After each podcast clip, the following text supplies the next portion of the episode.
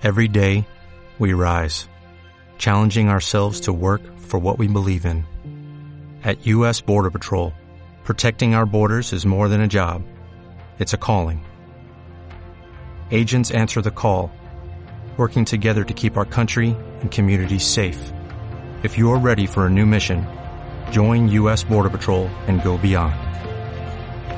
Learn more at cbp.gov/careers.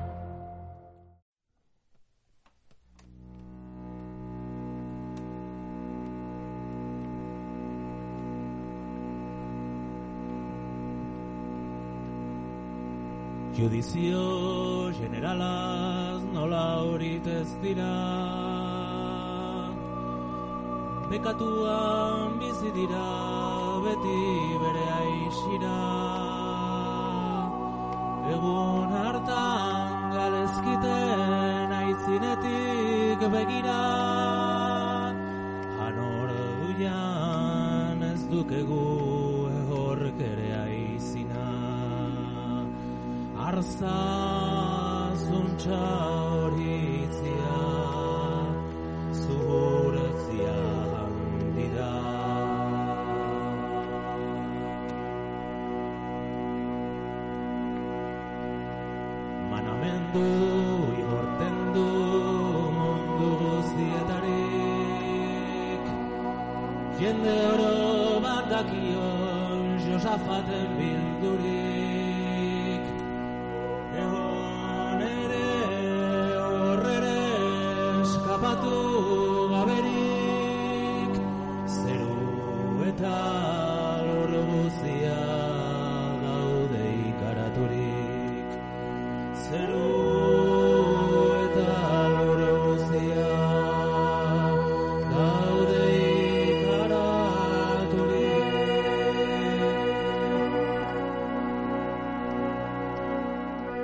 ya preparadas las respuestas para las entrevistas periodísticas que me harán en la prensa, radio y tele.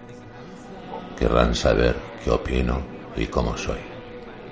Me mostraré ingenioso y espontáneo. Tengo ya preparadas unas listas de personalidades importantes e incluso redactados ya los textos muy agudos de las dedicatorias. Tengo ya preparadas las metáforas que servirán como brillante ejemplo o síntesis que aclare lo que exponga. Saldrán como galaxias de las páginas. Y tengo preparada mi postura al sentarme o de pie. Tono de voz, expresión de los ojos y la boca. Todo está preparado. Todo a punto. Puedo empezar, pues, a.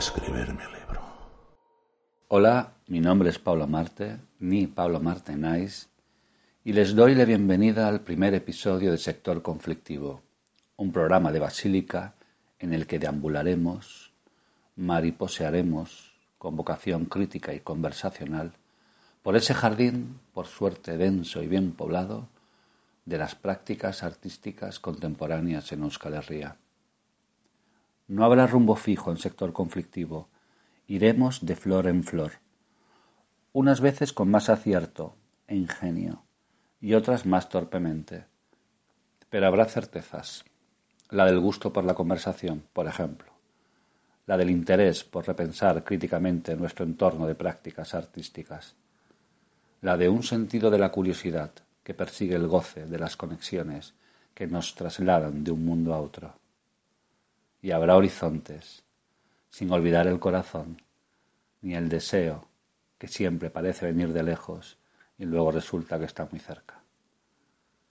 Nunca le diremos que no a la boca abierta, ni a la mirada encendida. Ante el asombro y el sentido vivo, apartaremos las sillas, abriremos unas birras, pondremos las palabras a bailar y nos sacudiremos en la noche, como hace una vez al mes, eso que tanto brilla, la luna llena. Un mapa del mundo que no incluya la utopía no merece ser visto, escribió Oscar Wilde. La cita aparece en un libro maravilloso, Utopía Queer, de José Esteban Muñoz, y resume como topología el ánimo, las inquietudes y los deseos del sector conflictivo.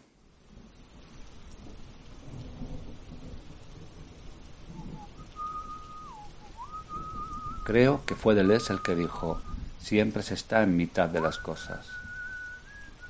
Podríamos pensar toda exposición de arte de ese modo, como un lugar donde la cosa es abierta de mitad a mitad. Una escena en la que reverbera lo desencontrado, un desbordamiento, un espacio en el que saltan y asaltan las anacronías, como aquel lluvioso atardecer de mayo en el que cientos de ranas desorientadas invadieron los alrededores de la ermita de San Miguel de Arrechinaga, en Marquiña. Nada está nunca del todo determinado. Nada empezó y nada acabó todavía.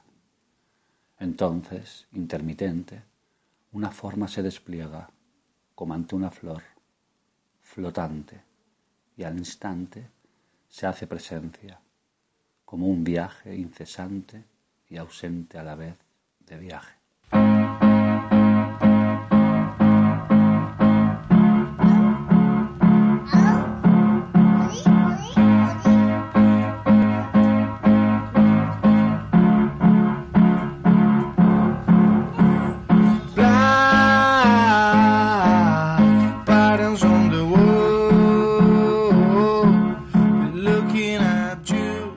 Formas y presencias, de todo ello quizás hablemos hoy.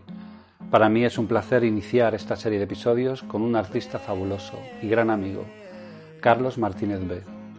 Conversaremos con él de su más reciente trabajo, Black Patterns, expuesto, si no me equivoco, de marzo a mayo en la Galería Carreras Mújica de Bilbao. Hola Carlos, bienvenido. Hola, gracias.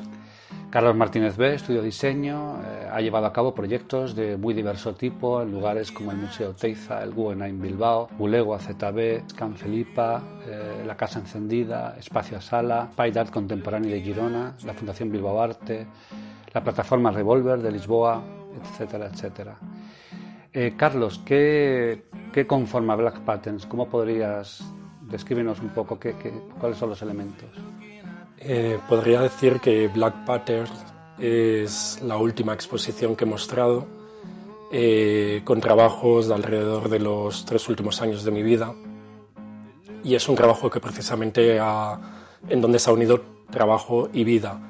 Eh, se compone de tres espacios de la galería, dos visibles al público, el espacio de entrada que muestra unos trabajos realizados en goma, eh, y luego otro segundo espacio con otras piezas realizadas en, cuero.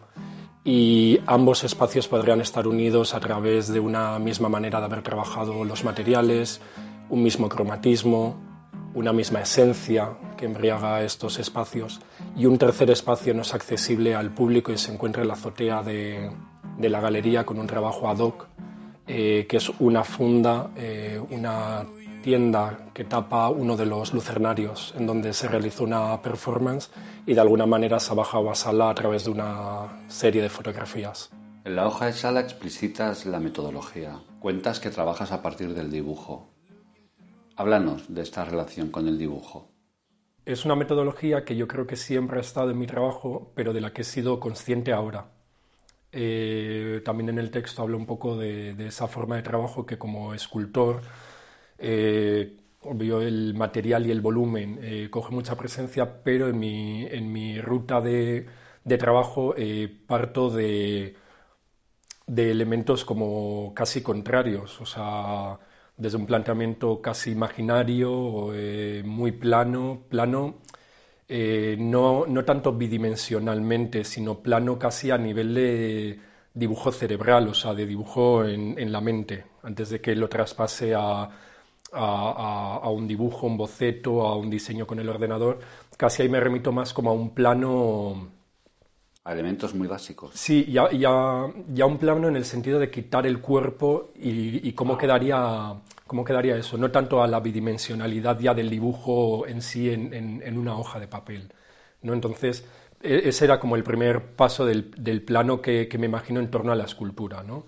Entonces aquí el, hecho del, patronaje sí me daba esta ruta de, elevarlo, ¿no? de pensar ya en cómo el sistema constructivo iba a tener que plantear todo ese despiece, ¿no? Y sobre todo con los materiales que, he trabajado, en este caso, sobre todo en las piezas de cuero, eh, era como muy fundamental, porque al final el cuero por sus, bueno, por su propia forma, eh, no es como un tejido, no tiene unos metros, nunca hay un, un ancho tal igual para todo, ¿no? Entonces cada piel o cada trozo tiene una, forma y eso te va haciendo como tienes que ir configurando todo el, todo el trabajo. Entonces era como hacer un camino en el sentido de recorrer un paso y luego tener que ir un paso atrás, plantear como una forma inicial, principalmente son, en este caso las, las, las columnas que están en el estudio, están sacadas de cuatro laterales que tienen un tamaño igual, pero luego hay un trabajo de nuevo de volver a plantear ese dibujo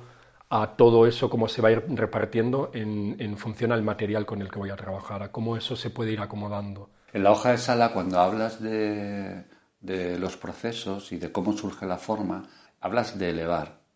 Eh, dices en concreto, la producción surge del patronaje trabajando a partir del plano para elevarlo al volumen. Esta idea de elevación me hizo pensar en una frase que me encontré durante el proceso de investigación de este podcast sobre los patrones geométricos en el arte islámico. Es una cita de David Waite en su libro The Evolution of Style y dice que el fin del patrón en el arte islámico es la transfiguración, la, plástica y el diseño de una ligereza. Y habla en concreto de ventanas al infinito en las páginas decoradas del Corán. Al pensar en esta ligereza me ha venido a la mente elementos de contundencia en Black Patterns, por ejemplo, eh, esa decisión acerca del uso exclusivo de, lo monocromo, del color negro.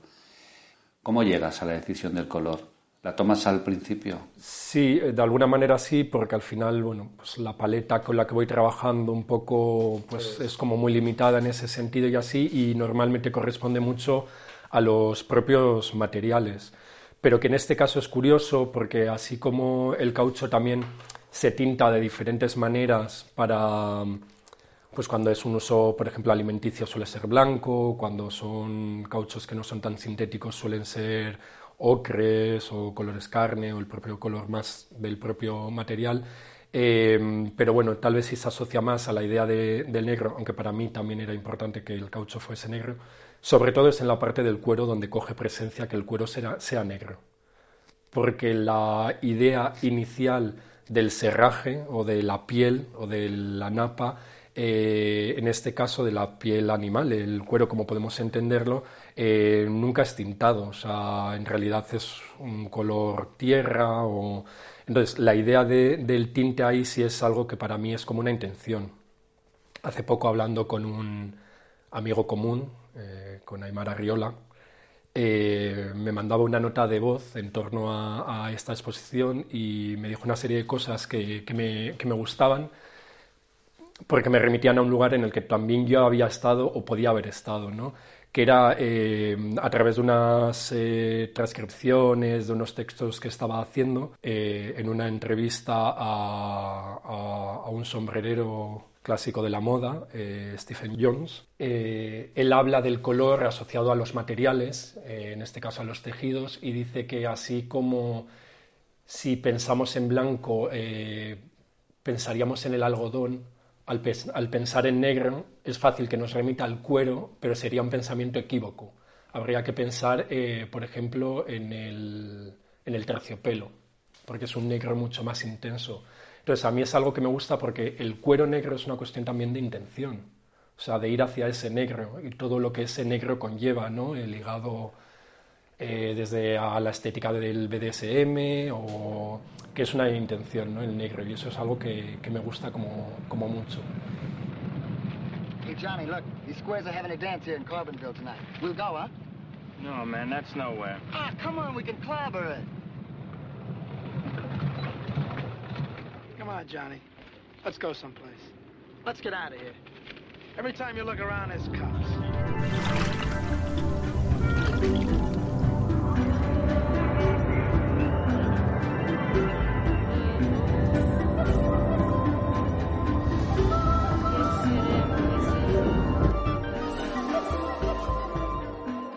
Extendido una sábana por el suelo y sobre su blanca superficie he dibujado con rotulador como una cartografía. La he dividido en tiras, en mordazas, en trabas diversas. Había calculado que necesitaba cuatro fajas, una para los pies, otra para las manos y otra para el sexo, un barboquejo y un freno para los dientes. Las tijeras han seguido esas líneas de puntos como un modelo, un patrón de mis placeres por venir. Esa ocupación ha bastado para inflarme el sexo y hacerlo derramar a un hilillo brillante. Este falo negro tiene el mérito de estar hueco y ser ancho y estanco, de poder inflarse con agua hirviendo que vuelve incandescente el caucho, a la vez cubierto de talco y engrasado. Este falo negro manteniéndome acuclillado y de espaldas a él, me fuerza el culo, que cede bajo su presión, y me lo rellena, lo zurra, lo pule, lo escalda, lo deja enganchado en mi culo, bien metido, como un corchete, una humillante mierda negra. Estas pinzas para la ropa tienen la virtud de estar dentadas en las puntas y resultar en las tetillas como punzones, tajaderas, alfileres, prensas, pellizcos. Las he elegido a propósito, especialmente pérfidas. Ha entrado y yo llevaba las cuatro fajas de sábanas en los brazos, como los atributos de un rito o de un bautismo. Lo había dejado a la vista el negro falo inflado de agua hirviendo y engrasado, las disciplinas, las pinzas de la ropa, opuesto, expresión de sorpresa. Le he dicho, ¿quieres ser mi víctima o mi verdugo? En voz baja e imperiosa ha dicho, desnúdate del todo y túmbate. Yo había dejado en el suelo las cuatro correas. Se ha puesto a desliarlas, después se ha desnudado. Le he tendido el anillo de cuero negro claveteado para ceñirse la verga. Le he dicho, tú llevarás solo ese adorno, pero no se lo ha puesto. Llevaba ese ceñidor herniario que trajo de Estados Unidos y que daba un perfil elegante a su sexo y sus huevos al imprimir en su piel la fina trama de sus mallas. Yo estaba acostado en la cama, boca arriba, Primero se ha puesto a atarme los tobillos cruzados, a envolverlos en una multitud de nudos. Me ha dicho, siéntate. Y yo le he ofrecido las manos del mismo modo, pero por la espalda. Me ha atado las muñecas cruzadas al tresbolillo. Se ha sentado junto a mí, ha acercado mucho su rostro al mío. Me ha mirado con profunda gravedad. He creído que iba a besarme. Me ha escupido los labios una vez más y después otra. Me ha dicho, levántate. Entonces se ha puesto a ligarme el sexo, procurando oprimirme la polla y los huevos en su punto de arranque. Y después a pasarme de nuevo la tela apretada en un segundo anillo por la base del sexo y por debajo de los huevos. Hacerlo subir por cada lado de las nalgas al tiempo que lo ribeteaba. Lo volvía a vendar en cada nudo por último atármelo en el vientre, lo más fuerte que podía, apretándome el vientre con uno de los pies y aplastándolo para comprimirlo más. Yo apenas podía respirar. Entonces, por sorpresa, ha tomado las dos pinzas de la ropa y las ha fijado en la punta de mis senos. He gritado. Él ha dicho, no, así aún no te hace bastante daño. Y las ha retirado. Me ha pellizcado las tetillas con la punta de los dedos, humedeciéndolas con saliva, haciéndolas erizarse por entre sus pelos, y después me ha vuelto a colocar las pintas. Me ha dicho, aún no vamos a vendarte la boca. Va a poder servir, pero tal vez podamos hacer algo con tu cuello. Ha desplegado la última venda y se ha puesto a atármela muy alta en el cuello, bajo la barbilla, como para darle la imposición, la elevación de una Minerva dejando una larga faja de tejido libre con la que poder dirigir mis movimientos, como una correa para perro. Me ha dicho, vuélvete, y me ha metido el largo falo negro hirviendo entre las nalgas de un solo envite, apartándolas con una mano. He sentido el caucho aceitoso que me subía intestinos arriba y los quemaba. Me ha dicho, la próxima vez lo untaremos con una mermelada de hashish caliente para embriagarte el ano o con un mentol glacial. Ha tirado hacia abajo de la tela que me ataba el cuello para hacerme acuclillar y se ha sentado desnudo en el sillón de cuero con las piernas separadas, imperioso, regio, vestido solo con ese taparrabos de mallas muy amplias, a través de las cuales podía yo ver su sexo inflarse y palpitar con sacudida. Me ha dicho, mírame, deséame, suplícame, quiero verte implorarme con todas tus fuerzas, solo para desearme. Erdegibert, los perros. ¿Cómo ha sido tu relación con el material, con el cuero, con, el caucho, con la goma durante el proceso de trabajo? Eh, podía ser medianamente consciente de que el material iba a ir hacia algo. No sabía bien que, iba a poder ser ese algo. Ha sido casi como, el otro día lo pensaba, como casi haber trabajado con una compañía de danza, sin ser una compañía de danza, en el sentido de cuerpos vivos. No he entendido así el material, como algo que yo partía de unas directrices, de ahí viene ese, ese, dibujo que podría ser un poco el guion de trabajo, pero eh, en un momento, pese a saber que podía suceder algo o se podía eh, revelar algo, eh, no me ha asombrado tanto, sino que, en momentos me llegó a frustrar. O sea, era algo que, iba aceptándolo, y, pero, pero ha habido una negociación en la que a veces me veo como bueno, creo que también en el texto está esta cosa de, ponerme encima o debajo, ¿no? En la cuestión como de la dominación y la sumisión frente al material, que como escultor siempre había visto, siempre entendía un poco la práctica, que aunque las piezas lleguen en un momento a coger cierta autonomía, eh, hay un control muy grande que se ejerce, aunque no se hable de él a veces, pero la posición del artista es muy controladora en ese sentido. Y aquí las propias piezas eh, demandaron mucha, mucha dominación, a decirme, aquí va a haber un cambio de, de roles. Entonces era consciente de que iba a haber esas caídas, eso, esos cuerpos como babosos que yo digo, esas, esa forma de, de rebelarse.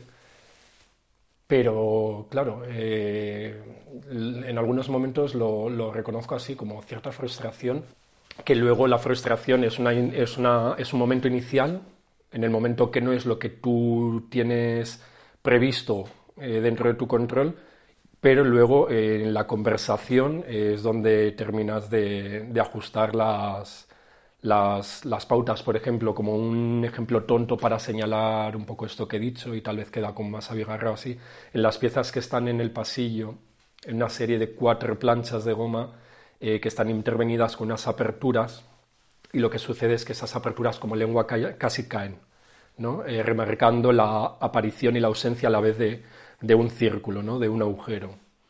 Eh, la terminación de esas piezas a, nivel técnico están solucionadas al final con otros pequeños agujeros que lo que hacen es romper las aristas para que precisamente ese material no continúe corriendo, ¿no? porque si no el propio material por el peso y la gravedad quiere seguir, quiere seguir rajando. De hecho, una de las pruebas que hice eh, al tenerla instalada durante varios días, que es cuando fui consciente de, ello, aparecía, aparecía, aparecía esto, ¿no? Claro, el material me está diciendo, sí, muy bien que haya este corte, pero voy a seguir corriendo. Entonces, llegar a esa negociación en el que la caída tenía que seguir apareciendo pero cómo hay que intervenir esa plancha de una manera que a la vez esté unida con toda esta idea de, ese elemento y de esa entidad para mí muy, muy compleja que es el agujero, eh, cómo tenía que aparecer en ellas, ¿no? Entonces, bueno, ha sido una relación como muy de... que cuando digo esto casi parece que hay un factor como de fantasía, ¿no? De fantasía casi me remito a fantasía de Disney, donde las esculturas parece que me han estado como hablando así, pero es que ciertamente ha habido como mucho de, de ello, una conversación, sí. Has hablado en ocasiones de la influencia del escultor alemán Wilhelm Lembruck, hacia el que me contaste que Oteiza sentía una gran admiración. Es un escultor de principios del siglo XX, figurativo. Eh, su pieza más emblemática es, el desplomado y tú de hecho en la hoja de sala refieres o hablas de el desplome de la piel, que eso me ha, me ha despertado curiosidad por, por, por esta, por, esta resonancia ¿no? de la piel desplomada. Pero además, esto me ha hecho recordar que hace tiempo me hablaste de otro escultor alemán, eh, coetano de Lembruck, también figurativo, que es Georg Kolbe.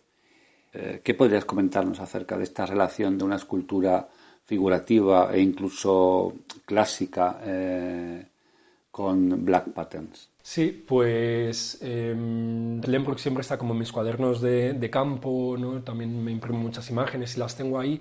Y, de hecho, para algunas de las piezas, de las esculturas que están en la galería ahora, eh, partía de esas, de, esas, de esas piezas, con ese desplome de la piel, esta cosa de lo abatido. Eh, bueno, él además fue una persona que, pasó gran parte de su vida sumido en una, en una gran depresión.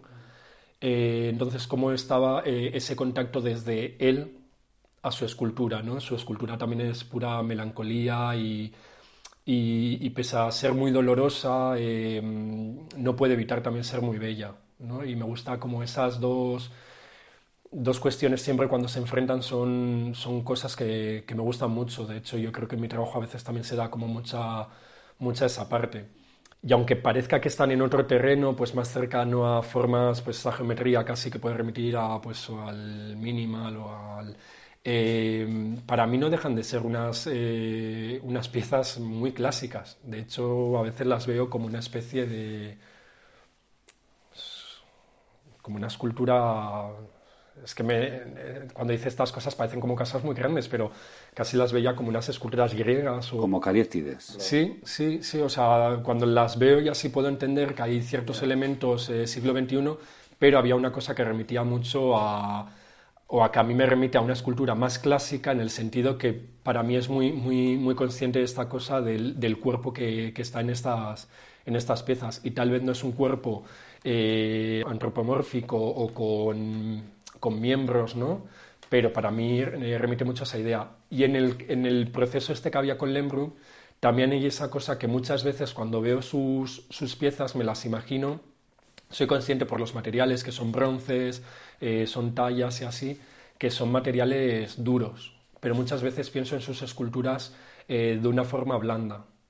Entonces eh, me interesaba mucho como, como eso y, y, las veo como muy ligadas de alguna, de alguna manera.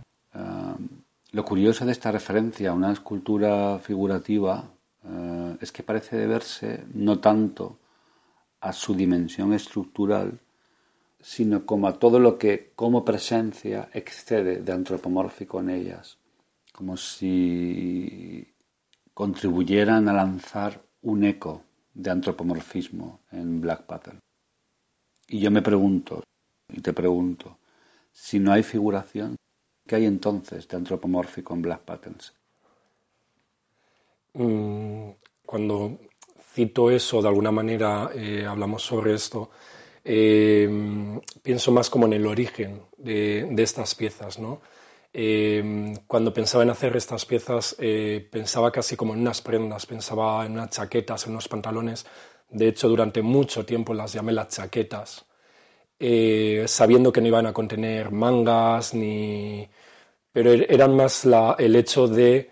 Porque sobre todo cuando pensé en estas piezas pensaba en desvestir una estructura el hecho de desvestirla, de, de, este, de esta caída de, de, esa piel ¿no? sobre otro cuerpo. Entonces siempre me remitió a esta idea de, un cuerpo, pero más un cuerpo eh, donde no había extremidades, casi como si fuese un único tronco. Voy a sacar ahora a colación una escultura eh, que Oteiza le dedica a Lembruck a mediados de los años 60 y que se llama Homenaje y reparación a Lembruck hombre cansado. De esta escultura se dice que está relacionada con la situación vital de Oteiza en el año 66, porque Oteiza estaba eh, cansado para continuar con el proyecto de Aránzazu. Y esta aparición de lo biográfico en una, en una obra que tiende más bien hacia lo estructural me ha, me ha recordado algo que comenta George D. Uberman en una entrevista con Adèle Van Gret en Le Chemin de la Philosophie. Vamos a escucharles. Et je pensais tout à l'heure à, à, ce qu'il nous reste à la fin d'une exposition. Y antes pensaba en lo que nos queda al final de una exposición. Porque se ve en los meandros de la exposición todos esos visitantes con su smartphone que quieren fotografiar las obras de arte y llevar consigo alguna cosa, guardar algo. Y también tú planteas en tu libro esta cuestión entre lo que se ve y, y lo que nos queda. ¿Y qué es lo que nos queda después? ¿Cuál es nuestra relación con la obra de arte, con la memoria que nos queda a posteriori? Y pienso que a menudo es algo muy sensible, que nos queda más que una imagen, que generalmente suele ser una sensación. Y Georges Didier Huberman responde que escuchándole se está acordando de, ese libro que ella ha citado, en efecto, y me acuerdo que estaban las palabras forma y presencia.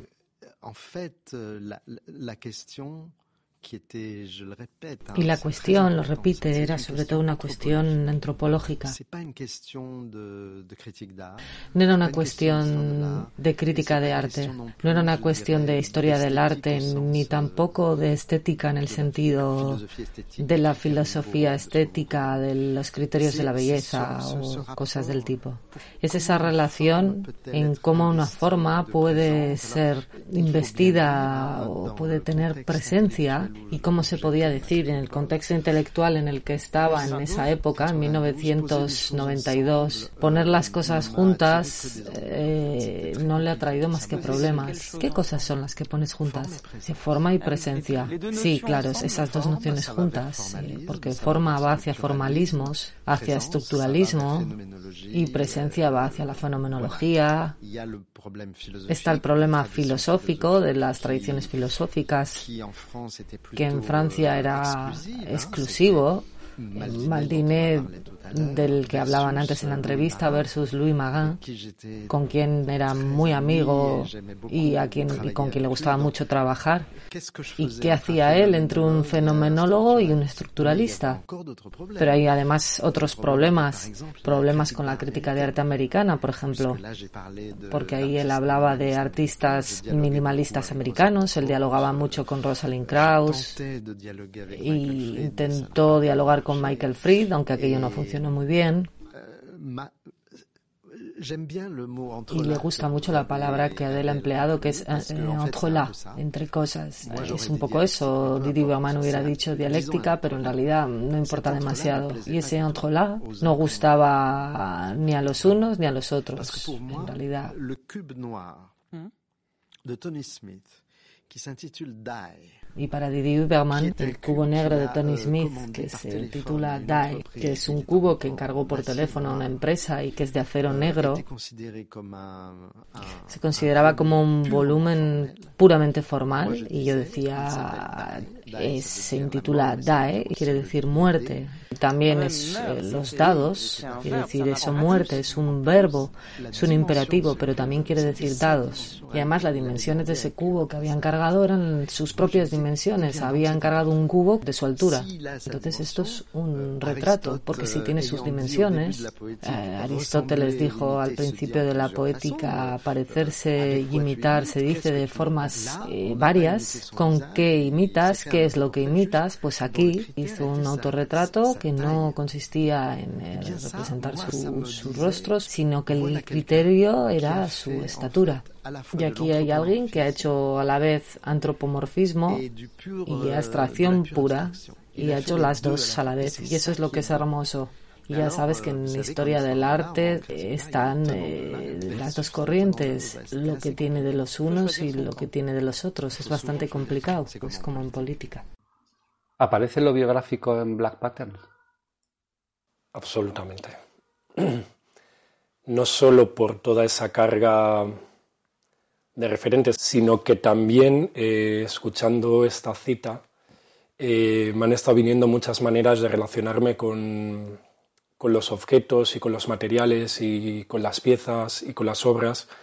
Em, rara vez mido, rara vez utilizo una cinta métrica para medir y siempre están muy en relación a mi cuerpo. Pero incluso los sobrantes de trozos siempre es como mi mano, mi brazo, mi pierna Y entonces sí, hay mucho, mucho de mí en un sentido como biográfico en, esta exposición.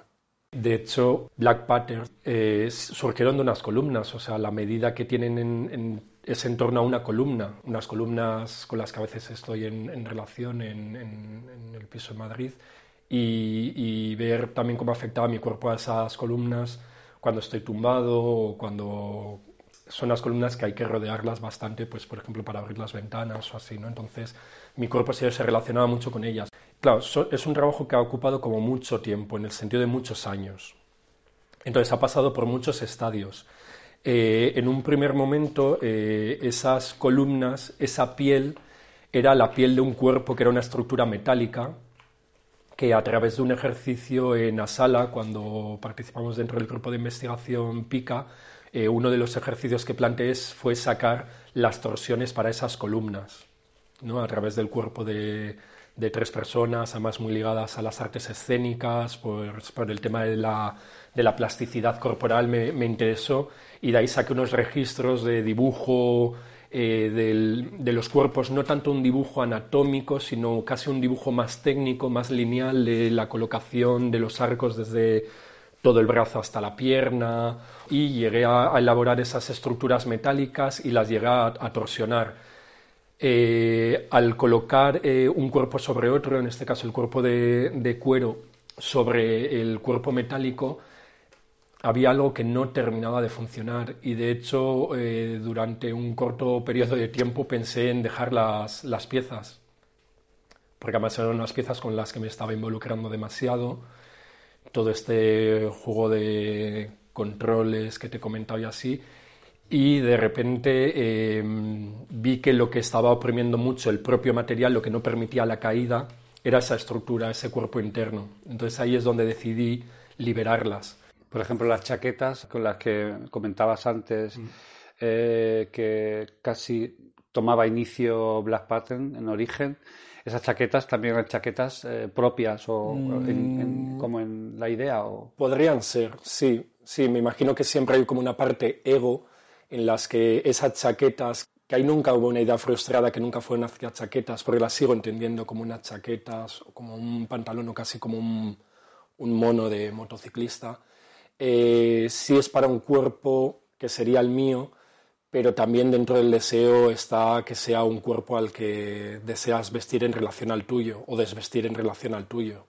¿no? Es como que alguien que te gusta se ponga tu misma ropa ¿no? o utilice el calzoncillo tuyo cuando se levanta por agua o cosas así. ¿no? Claro, claro. Eh, ahí tendríamos, por ejemplo, eh, una misma raíz verbal que se despliega en dos acepciones. Estaría el vestir, desvestirse de la prenda y, en la intimidad, tal y como tú la refieres, y el investirse, del que habla Didi Uberman eh, cuando, dice, cuando se pregunta cómo una forma se inviste de presencia. ¿no? Tú antes hablabas de las columnas como de una impresión de compañía de danza. Eh, a mí me parecieron pesos muertos cuerpos eh, que cuelgan y a la vez opuestamente flotan. Y esto es paradójico y contradictorio que pesen y floten, pero es lo que, es lo que percibía. ¿no? Yo leía en ellas una temporalidad del acontecer, de la caída, quizás por las distintas alturas de las columnas que me parece que se quedaban justo en el momento anterior del derrumbe total. Te hablo de, de te cuento esto porque intuyo, eh, no me atrevería a utilizar la palabra performatividad de las piezas, pero intuyo que hay una escena o escénica de los objetos en la que operan múltiples procedimientos de investidura. Es decir, pensar lo expositivo como una escena en la que eh, una forma no cesa de hacerse presencia.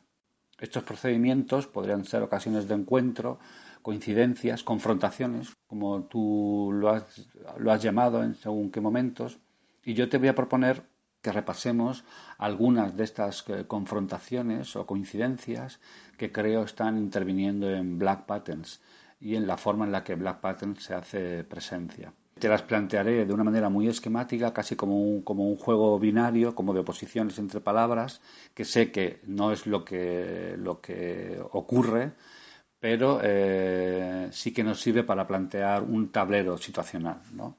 Y empezaré por la pieza que tenéis a la entrada de la galería, que se llama Never Young, y por la cuestión que para mí es, eh, la hace muy interesante, que tiene que ver con imagen y texto, ¿no? con la, esa tensión imagen y texto que hay en ellas. Además, se da el caso, y lo mencionaré aquí también, del increíble parecido formal que tienen con las, con, las manchas de un test de Rorschach. Y aclararé, para quien no lo sepa, que el test de Rorschach eh, era una técnica de psicodiagnóstico creada por Hermann Rorschach hace justamente un siglo, en 1921, y era una serie de imágenes que él mismo dibujó a partir de manchas simétricas de tinta. Y estas imágenes se le presentaban al paciente, entonces los pacientes las describían, le decían, veo una mariposa, veo eh, un pájaro, veo... ¿no? Y a partir de esas descripciones se le procedía a hacer un diagnóstico.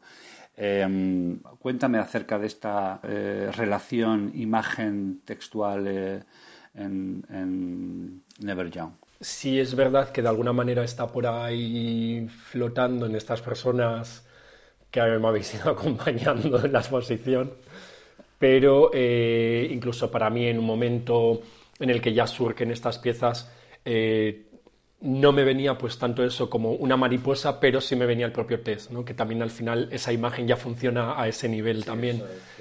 Pero para mí eh, parten de otro lugar estas piezas. Al final eh, son unos cortes en goma eh, de unos logotipos, además un logotipo muy concreto que es el de la N y la Y de los New York Yankees, que son de estos logotipos que a día de hoy ya pertenecen como a toda la... es un es merchandising de la propia ciudad pese a que hace poco leí, porque no estaba como tan puesto ahí ni a nivel deportivo ni nada, que en realidad eh, está diseñado por el hijo de Tiffany, creo, del, ah, del, joyero, y que existen como tres versiones oficiales del, logotipo, y eso sí he sido consciente al estar trabajando con, en estas piezas. Eh, unas son más estrechas, otras son más anchas, luego hay muchas más interpretaciones en el sentido de que en el momento que se abre lo pirata, todo vale, ¿no? Y eso es algo que también me gusta de, ese logotipo. O sea, que es como el antilogotipo, ¿no? En el sentido que el logotipo precisamente lo que tiene es una marca registrada que pertenece, en este caso, a un equipo de, de béisbol, etc. Pero este es un logotipo ya casi como de la humanidad, ¿no? Como de esa historia de, Norteamérica, como decías, pues una, una, historia muy reciente, ¿no? En el que seguramente en el Smithsonian habrá una gorra de los New York Yankees y tal, ¿no? Entonces, eh, este logotipo aparece de diferentes formas porque eh, aparece a través de una chaqueta que yo veo que está totalmente bordada con ese logotipo y al verla de lejos eh, en cuero me gustaba mucho em, como, sin ser un moaré, no es la palabra, pero em, el disturbio que me creaba en los ojos, ¿no? que no reconocía del todo eh, ese logotipo pese a ser muy reconocible, pero como estaba como muy sobremontado y así, entonces al acercarme soy consciente de él. Entonces, para las piezas de, goma de estas que estamos hablando, em, probé también diferentes formas que se parecían a, pues a, una especie de urinarios, no tan un urinario Duchamp, sino más un, urinario de club, eh, de estos corridos, en donde tú entras a la noche y estamos ahí todos meando y demás. Eh, hice pruebas, tengo algunas piezas avanzadas ahí que me interesan, pero eh, llevaba mucho tiempo también queriendo pasar, o sea, jugar con algo muy tipográfico y pasar de nuevo de ese plano al volumen que es algo, un ejercicio que no había hecho con, con algo tan tipográfico, con algo incluso más textual, ¿no? Em, entonces eh, terminé haciendo varios recortes de estos logotipos en unas planchas de goma y lo que hice fue muchos agujeros pasantes, sabiendo que quería eh, unir esos lados. Entonces lo que me interesa de estas piezas, o para mí donde estaba, era que precisamente partiendo de algo tan evidente como es ese logotipo, de repente cómo eso queda tan oculto ¿no? en el momento que tiene un, en este caso un pliego, pero lo que podría ser una tachadura. Y a la vez me hace, se me hace curioso cómo pasa al test, ¿no? Cómo hay algo que ya directamente te puede ya remitir a lo que es, pero te va a remitir a, otra cosa, ¿no? Te va a remitir, pues, desde unos gatos o en este caso las dos pequeñas a, unas pinzas de unas langostas, a la mayoría eh, sí las remite mucho como a partes del cuerpo, casi como una parte delantera que podría ser esta y la otra eh, más como una especie de columna vertebral y así, y a su vez ligadas al cuerpo también en el sentido casi como de arneses o de piezas que se pueden colocar en el cuerpo, que aunque es un imaginario que podría estar ahí para mí y dentro de la exposición, creo que es también el ambiente de la exposición que ayuda a hacer esa lectura y también los ojos de las personas que, miran en este caso. Entonces es gracioso con determinadas agentes cuando voy y me hacen esa lectura, digo, pues, al final... La siguiente propuesta de confrontación, eh, más que una confrontación en sí, es un poema. Un poema que ya sabes que improvisé nada más salir de tu exposición y que voy a leer a continuación para, para recordarlo. La confrontación, digamos, que se encuentra dentro del poema. Cuero onírico o negro contenido, contingente y flotante, distancia insaciable, lírica del hueco, voluptuosidad medida y delirante, como al deseo circunscrito, como el dolor inseparable, colgado y maldito por mandato del patrón, su negra sangre gotean los bramantes. Rise and fall en vida aparte, en el afuera el tiempo propio, la luz soñante de cuerpos y compañía como los gatos al mediodía, y el sobrante del afuera otra lejanía, el agujero y la cremallera quiriendo quizás jugar a la bragueta. Siempre me planteé si, debía incluir o no la palabra bragueta por eh, ciertas connotaciones negativas que tiene. ¿no? Finalmente me dije sí, ha de estar. Te quería preguntar por, por, este, por esta manera en que ciertos objetos se hacen presencia, ¿no? como desde una cierta virtualidad semántica, eh, que para mí es una forma de hacerse presencia muy queer, ¿no? esta cosa de ofrecer solapadamente un doble sentido. ¿no? Sí, sí, sí, sí. Y el hecho de, de la bragueta también cuando cuando vi la, poesía, eh, a mí también me gusta que esté, que esté ahí, porque es verdad que por una parte están las cremalleras, que ya es un elemento que me acompaña desde hace mucho, e incluso como un juego casi infantil, ¿no? De, tengo recuerdos de estar jugando con cremalleras, a que eran pues, una especie de, al abrirlas de piernas, o sea, y creaba una serie de seres ahí, eh, pero como elemento eh, asociado a una, a una bragueta. Eh, claro, tiene una potencia además que, es curioso, porque no sé si con muchos elementos puede, puede pasar que se activa casi al mismo nivel eh, independientemente de su uso. O sea, estando cerrada o estando abierta, te remite a, o a mí me remite a la misma sensación de deseo, ¿no? Al estar separadas tienen potencia y al juntarlas siguen manteniendo la potencia, ¿no? Que parece algo muy sencillo y a mí es algo que a veces me cuesta mucho y lo pienso también en términos de relaciones, eh, en términos de poner varios cuerpos eh, en un mismo espacio, siempre hay una cuestión de poder, ¿no? Y cuando se dan esas cosas tan equitativas, tensas, porque me gusta que esa cosa equitativa sea tensa, en el sentido que nada se relaje, me gusta y eso es algo que creo que le sucede igual a a la cremallera en la bragueta. O sea, la misma potencia subida que bajada.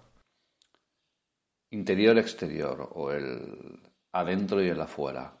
Quizás la oposición más evidente, la confrontación más notoria, ¿no? los elementos que juegan entre sí de una forma más eh, clara en la exposición, por la intervención que realizas en la azotea y, eh, y, por el, eh, y las tres fotografías que refieren la performance que también tuvo lugar en la azotea. Te voy a preguntar en concreto mm, acerca de las referencias que bailan alrededor de, de estas fotografías, eh, porque me parecen muy interesantes en torno al, por su incidencia en el imaginario que, que Black Patterns parece querer desplegar quizás eh, como, como, referencia más luminosa el trabajo del fotógrafo Alvin Baltrop eh, y sobre todo eh, de Pierce, su serie de fotos que tomó en The Pierce, en los muelles 52, 48 en Nueva York en los años 70, un lugar muy transitado y muy habitado por, como zona de cruising. Eh, pero también de otro modo, es decir, como una referencia que aparece desde el fondo, diría yo, desde el fondo de las mismas fotos de Baltrop, el trabajo de Gordon Matta Clark, ¿no? que por aquella época hizo también una, seccionó también una parte de los, del, del, muelle, creo, 52. Te quiero preguntar por estas referencias y ya aprovechando también preguntarte por el trabajo en sí mismo, por la forma de, por, cómo se produjo este, estas, cómo se produjeron estas fotografías. Que algo que me gusta mucho de ambos, pero sobre todo en torno a, a The Pierce, que mm, que es eh, seguramente los dos se intervinieron en el espacio en un mismo momento y en un mismo tiempo, eh, que además es eh, lo que hoy queda de, aquel registro, porque no, hay, no queda nada, toda esa zona de Nueva York es totalmente diferente, remite a, un momento, o sea, es un documental de la época, ¿no? O sea, algo muy periférico, no solo en, sentido de, territorio, sino también en sentido de eh, los homosexuales, las prostitutas, los artistas, eh, como este, como este todo, como ese otro lado, ¿no? Entonces hace poco han hecho, hace poco igual fue 2016, ahora no lo sé exactamente, hicieron en, en, Escocia una exposición en la que ponían en común el trabajo de ambos, porque posiblemente ellos ni siquiera llegaron a conocerse ni, ni nada. Eh, venían de dos esferas como, como muy diferentes. Mata Clark intervino ese espacio dentro de los trabajos que él hacía y Baltrop que ya eran espacios de cruising. Eh, de hecho, esa fue una de las elecciones, ¿no? que era un espacio al que, al que iban eh, los homosexuales a tomar el sol. pero Baltrop de alguna forma sí formaba parte de esta, de esta escena. Él fue un artista que murió hace no tantos años. Eh, que a mí me ha gustado desde hace mucho tiempo y me gusta su trabajo, eh, ya desde las fotografías iniciales que hizo cuando él está en la Marina, que también eran en los portaaviones, pues los soldados tomando el sol y así, pero me gusta mucho en el sentido además de, de que nunca fue considerado casi un fotógrafo o un artista, ni siquiera para la comunidad artística queer. Él era un hombre negro, eh, bisexual, Em, con pocos recursos económicos, em, pues con su cámara de fotos se trabajaba muchas veces eh, haciendo traslados de almacenaje, como de mudanzas y así, y muchas veces él aparcaba la camioneta cercana a estos muelles y dormía allí o estaba. Entonces, cuando ves muchas de las fotografías, em, hay algo eh, voyeurístico pero a la vez hay muchas fotografías que son posando para la cámara, posando por él. Entonces no es esa cosa tan violenta a veces del documental como de alguien que se introduce en una eh, en un grupo indígena X, en tal, sino que era alguien que formaba parte de, de, esa, de la comunidad. Volvimos a sumergirnos en la oscuridad del muelle y nos quedamos pegados a una pared, hablando en voz baja y observando los movimientos de los personajes anónimos, yendo de acá para allá y subiendo y bajando las escaleras del fondo. Escuchamos ocasionalmente voces que venían del piso superior y salimos de nuevo al paseo marítimo y fuimos caminando hasta el final del puerto, atentos a los agujeros que se abrían en el suelo comunicando con el río. Uno de mis pies en un momento casi desaparece Cerca de la orilla se materializaron las figuras de dos hombres, uno haciéndole una frenética mamada al otro, por Dios, dije. Y John añadió, wow. Más adelante había otros dos hombres echados uno encima del otro. La follada que se estaban dando era acelerada y brutal y casi violenta, pero los dos estaban a gusto con lo suyo, y de repente uno embistió al otro, de tal manera que éste quedó en el suelo con las manos apoyadas en las tablas del puerto y siguieron en esa posición acordé de que en la parte de arriba del dog, yendo por los pasillos y galpones, nos había aparecido un chico sin camiseta en medio de la oscuridad y se había deslizado entre nosotros, acariciándose el pecho y la verdad mientras nos íbamos. Y le pregunté a John si no le molestaba esperar un poco el gran galpón de al lado. Me dio lo que y me lancé detrás de aquel chico giró la cara desde el muro y se pasó la lengua por los labios. Pude sentir los secos que los tenía con solo mirarlos. Sacó un frasquito de popper y me lo pasó por la nariz y yo lo agarré de la nuca tratando de que se arrodillara, pero él se dio vuelta y desapareció en la oscuridad.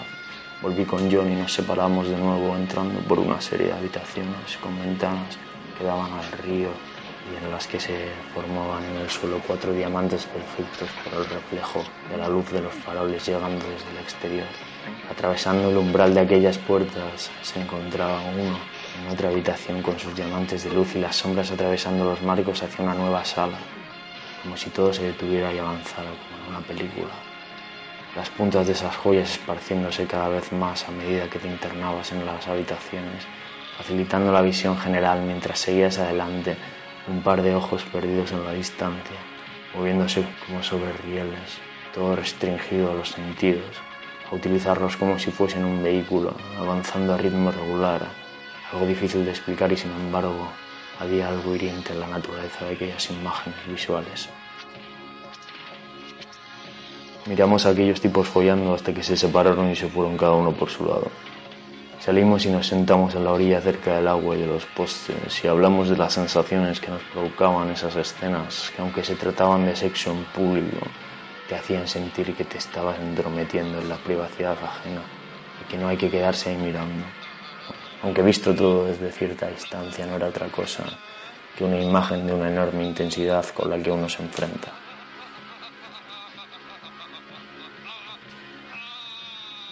David Bognarovich en la sombra del sueño americano. Super. Eh, entonces, eh, en un momento en el que estuve estas navidades pasadas eh, trabajando en esta pieza de, la azotea, quería hacer algo que cubriese los lucernarios. Son las piezas de, son las lonas de tráiler que pesan mucho, bueno, en la página web de Asala hubo unas fotos ¿no? de cómo estaban en todos los estudios eh, colocadas y así. Y mm, ya sabía desde un principio, además, cuando planteó hacer algo en, en, la azotea, que no se iba a poder subir porque hay muy mal acceso y bueno, para la galería es bastante lío, pues estar todo el rato quién sube, cómo sube, quién está tal. Entonces ya sabía que iba a ser una, una pieza muy blindada a eso, que era algo que me, me, atraía también a la vez, ¿no? Hacer algo con un esfuerzo tan grande que al final se quedase en algo tan invisibilizado, ¿no? Y, y por eso eh, esa pieza atiende mucho como al capricho. Y en un momento en el que yo casi presentí que me había metido una buena liada, porque de repente me vi en, en la sala con toda la nieve de Filomena, en un espacio precioso en Navidades, disfrutando de la vida, del amor y todo, Em, con esos estudios tan preciosos de suelos de madera, pues con toda la zambra de estas lonas, con el aceite, con los amarres de hierro, bueno, una cosa liada, ¿no? Y, en un momento le dije a Idoia, jo, lo siento mucho porque, claro, es algo que mi estudio no lo hubiese podido trabajar, solo desplegarlas. Y Idoia me dijo algo muy bonito, que fue como que ella valoraba mucho el, el trabajo, lo que estaba haciendo, ¿no? A esta cosa de atender al capricho porque parece que a veces eh, no nos corresponden determinadas cosas. Que algo así lo hiciese Jeff Koons no supondría eh, un esfuerzo y parece que es lo obvio, pero parece que a veces como un artista con pequeños recursos no te debes hacer algo de ese, de ese volumen o hacer algo que pueda ser una aliada así. Entonces es algo que en esta pieza me gusta mucho también entenderla desde ahí pero sí pensé en que quería resolverlo de alguna manera eh, a través de fotografía. Quería yo también tener como ese testimonio más allá de lo documental, quería hacer una pieza, quería que eso se terminase de cerrar en la pieza. Entonces, de repente, un día hablando con ella, pues surgió la posibilidad de, de hacerlo con, con ella y, y, fue algo que me gustó mucho porque se daban cosas también que en el tiempo se volvían a atar, que era, eh, por un lado, aunque las imágenes de Baltrop servían de patrón, eh, desplazar a otro cuerpo, eh, a otro cuerpo me refiero como un género, eh, porque sobre todo para mí lo que había ahí era algo muy que remitía a lo corporal, ¿no? que es algo que, que leyendo eh, Cruising de, de Spinoza ¿no? se habla de, de qué supone a nivel corporal, ¿no? Es una actividad a la que te enfrentas muchas veces en solitario durante muchas horas, que tienes que interpretar también lo que los otros cuerpos te, te dicen, ¿no? Entonces, me gustaba mucho que Idoya y Leticia iban a cumplir mucho con esta parte de lo corporal. Entonces hicimos unos ejercicios previos en la sala, eh, con un poco la ropa que iban a llevar y demás, y lo que partíamos era de un ejercicio que era eh, ver una imagen de Baltrop en la que podía aparecer un único cuerpo o varios cuerpos, y eh, tanto Leticia como Idoya reproducían la foto. Toda esa primera parte de este ejercicio lo llevamos a cabo en la galería justo al día siguiente. Hay fotos muy, muy interesantes, pero no terminan de funcionar en el sentido de que son muy estáticas. Claro, es la representación de una pose de una fotografía. Entonces, en esta segunda parte, que además se cambian el look, eh, al principio llevan unos monos negros, ellas que además se parecen mucho físicamente, ¿no? Eh, iban iguales. Había una cosa también ahí del duplo que es casi a veces como muy curiosa, ¿no? Y a la vez, a un nivel ya más sentimental así, es bonito que sean ellas dos porque ya son muchos años de, que se conocen, que han trabajado, que tienen una amistad muy, muy potente, entonces también tiene una cosa de saber por dónde pueden ir. Y, en modo anécdota, así como Ido ya nos comentaba, como que claro, es que ya se conocen desde el día de que nacieron, porque nacieron en el mismo lugar. Y Ido ya dice, es que yo creo que el primer sonido que escuché fue el llanto de Leticia. Nacieron en el mismo hospital el mismo día y se encontraron tiempo después. Entonces, claro, era algo como que son capas que, que también van cargando para mí el proyecto que son, son importantes. Entonces, en esta segunda parte eh, tienen unos looks que son más similares a las fotografías de Baltram, ¿no? Están ya como con los pantalones y con unas camisetas de los años 70, unas camisetas muy anodinas o muy normales, con unas botas, que es algo que me gusta mucho también en las imágenes de Baltrop, que siempre están como entre esos cascotes, esos escombros, no iban desnudos o con la parte de abajo quitada o la camiseta subida y tal, pero claro, la bota es un elemento ahí del caminar que te, que te da seguridad en ese espacio, ¿no? Eh, entonces, en esta segunda parte hicimos unas fotos abajo y la mayoría están tomadas desde otra azotea de un edificio de enfrente que justo daba este picado tan bonito, en donde la única pauta fue como es un día de tomar el sol. El bello arte del cruising es heredado de la generación previa de hombres gays, aquellos que deambulan por los márgenes de una sociedad en la que existen esos espacios grises que se desarrollan en las regiones del día a día, de lo cotidiano, de lo normal. El bello arte del cruising los detalles que uno debe conocer para saber quién, qué, dónde y cuándo son cualidades intrínsecas que se basan en el instinto, un instinto que requiere esfuerzo para descubrirlo, utilizarlo y aprovecharlo. Y es la mezcla de gente de la ciudad, su abundancia de extraños, lo que desencadena estos instintos con mayor efectividad. Es, por lo tanto, un testimonio del acto de supervivencia que la sodomía el cottaging, el sexo o el cruising perduren hoy en día, que hayan evolucionado desde los baños públicos de la antigüedad hasta los molly houses de Londres, pasando por parques y urinarios en campus universitarios y grandes almacenes, por librerías para adultos y cines X y áreas de descanso y pasos subterráneos de autopistas. Ocurren, siguen ocurriendo, porque simplemente no pueden ocurrir.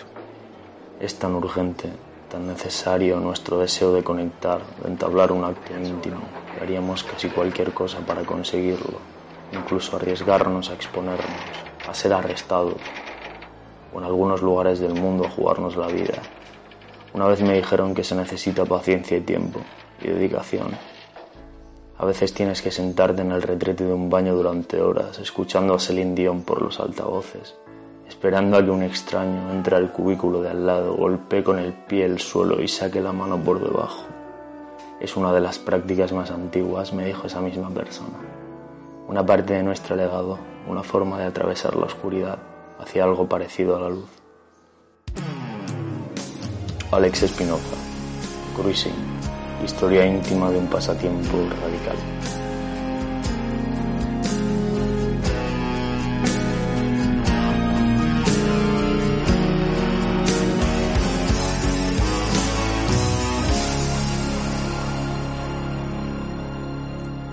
La oscuridad hacia algo parecido a la luz. Michael eh, Tausig hablaba de lo salvaje como una forma de conexión entre espacios de oscuridad y de luz. Y yo sé que en el universo, en el imaginario que hemos estado desplegando en, relación a Black Patterns, hay esta, eh, esta, esta gradación, este ir y venir de espacios de oscuridad y de luz, pero también de la noche y el día. Sí, sí, sí. Em, todas estas confrontaciones que dices, muchas, eh, la gran mayoría o todas, eh, yo también las, las, siento y las he sentido durante... De hecho, muchas personas también me, me, remiten a la idea de... Es una exposición como muy de noche.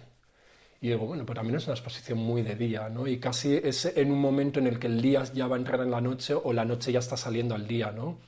En donde los fantasmas eh, salen a pasear, donde todos los gatos son pardos. Eh, es ese momento tan sutil del cambio de, una, de una cosa a otra, que un look eh, en un momento puede ser acertado y de repente evidencia algo, ¿no? Como, yo qué sé, como el cambio de, del club al after o algo así, ¿sabes? Donde de repente hay algo que denota cierta perversión, que ha ido más allá de que no es una noche en el sentido de... Mm, es, un momento en el mm, que, que, esas confrontaciones para mí son muy, muy evidentes, el, el, el, dentro y el afuera, más allá de las piezas, ¿no? con estas posibilidades de entrar dentro de ellas o, o pensar en atravesarlas o cómo el mirar se convierte en una cosa que puede ir en dos direcciones, ¿no? que puede ser el mirar o el ser visto, y eso también se activa mucho con esa pieza que está colocada fuera. ¿no? Entonces también la mirada ahí juega mucho a, cómo te posicionas, eh, cómo vemos las cosas o cómo decidimos no verlas, ¿no? pese a que estén ahí.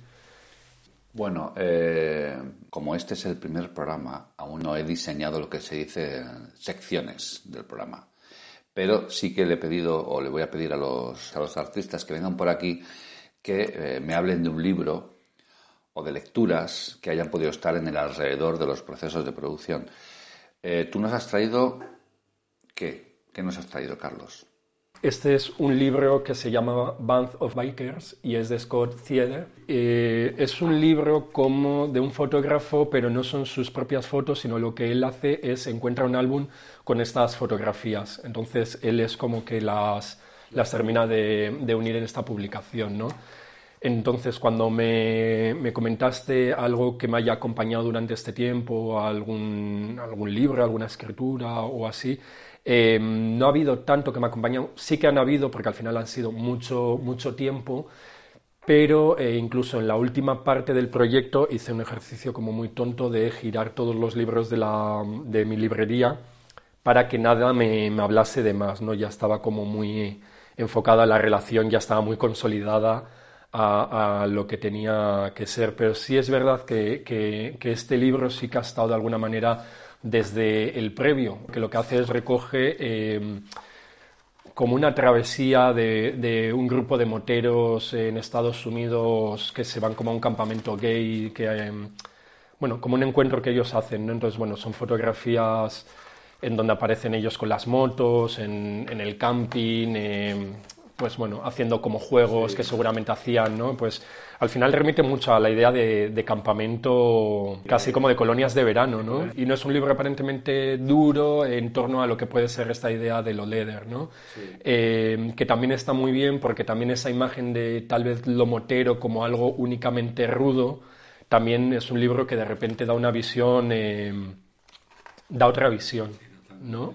Bueno, y hay, hay fotos que son como muy bonitas porque bueno, se, tiene algo como que, que, transmite algo como que a mí me gusta mucho, ¿no? Y luego puesto ahí una, una imaginería que de repente también se activa de, de alguna manera, ¿no? O sea, pues, tanto por los looks, eh, pues los pantalones de cuero, las alforjas de las motos, los cordonajes, hay un universo ahí que... Bueno, Carlos, muchísimas gracias por la conversación eh, y por la amabilidad.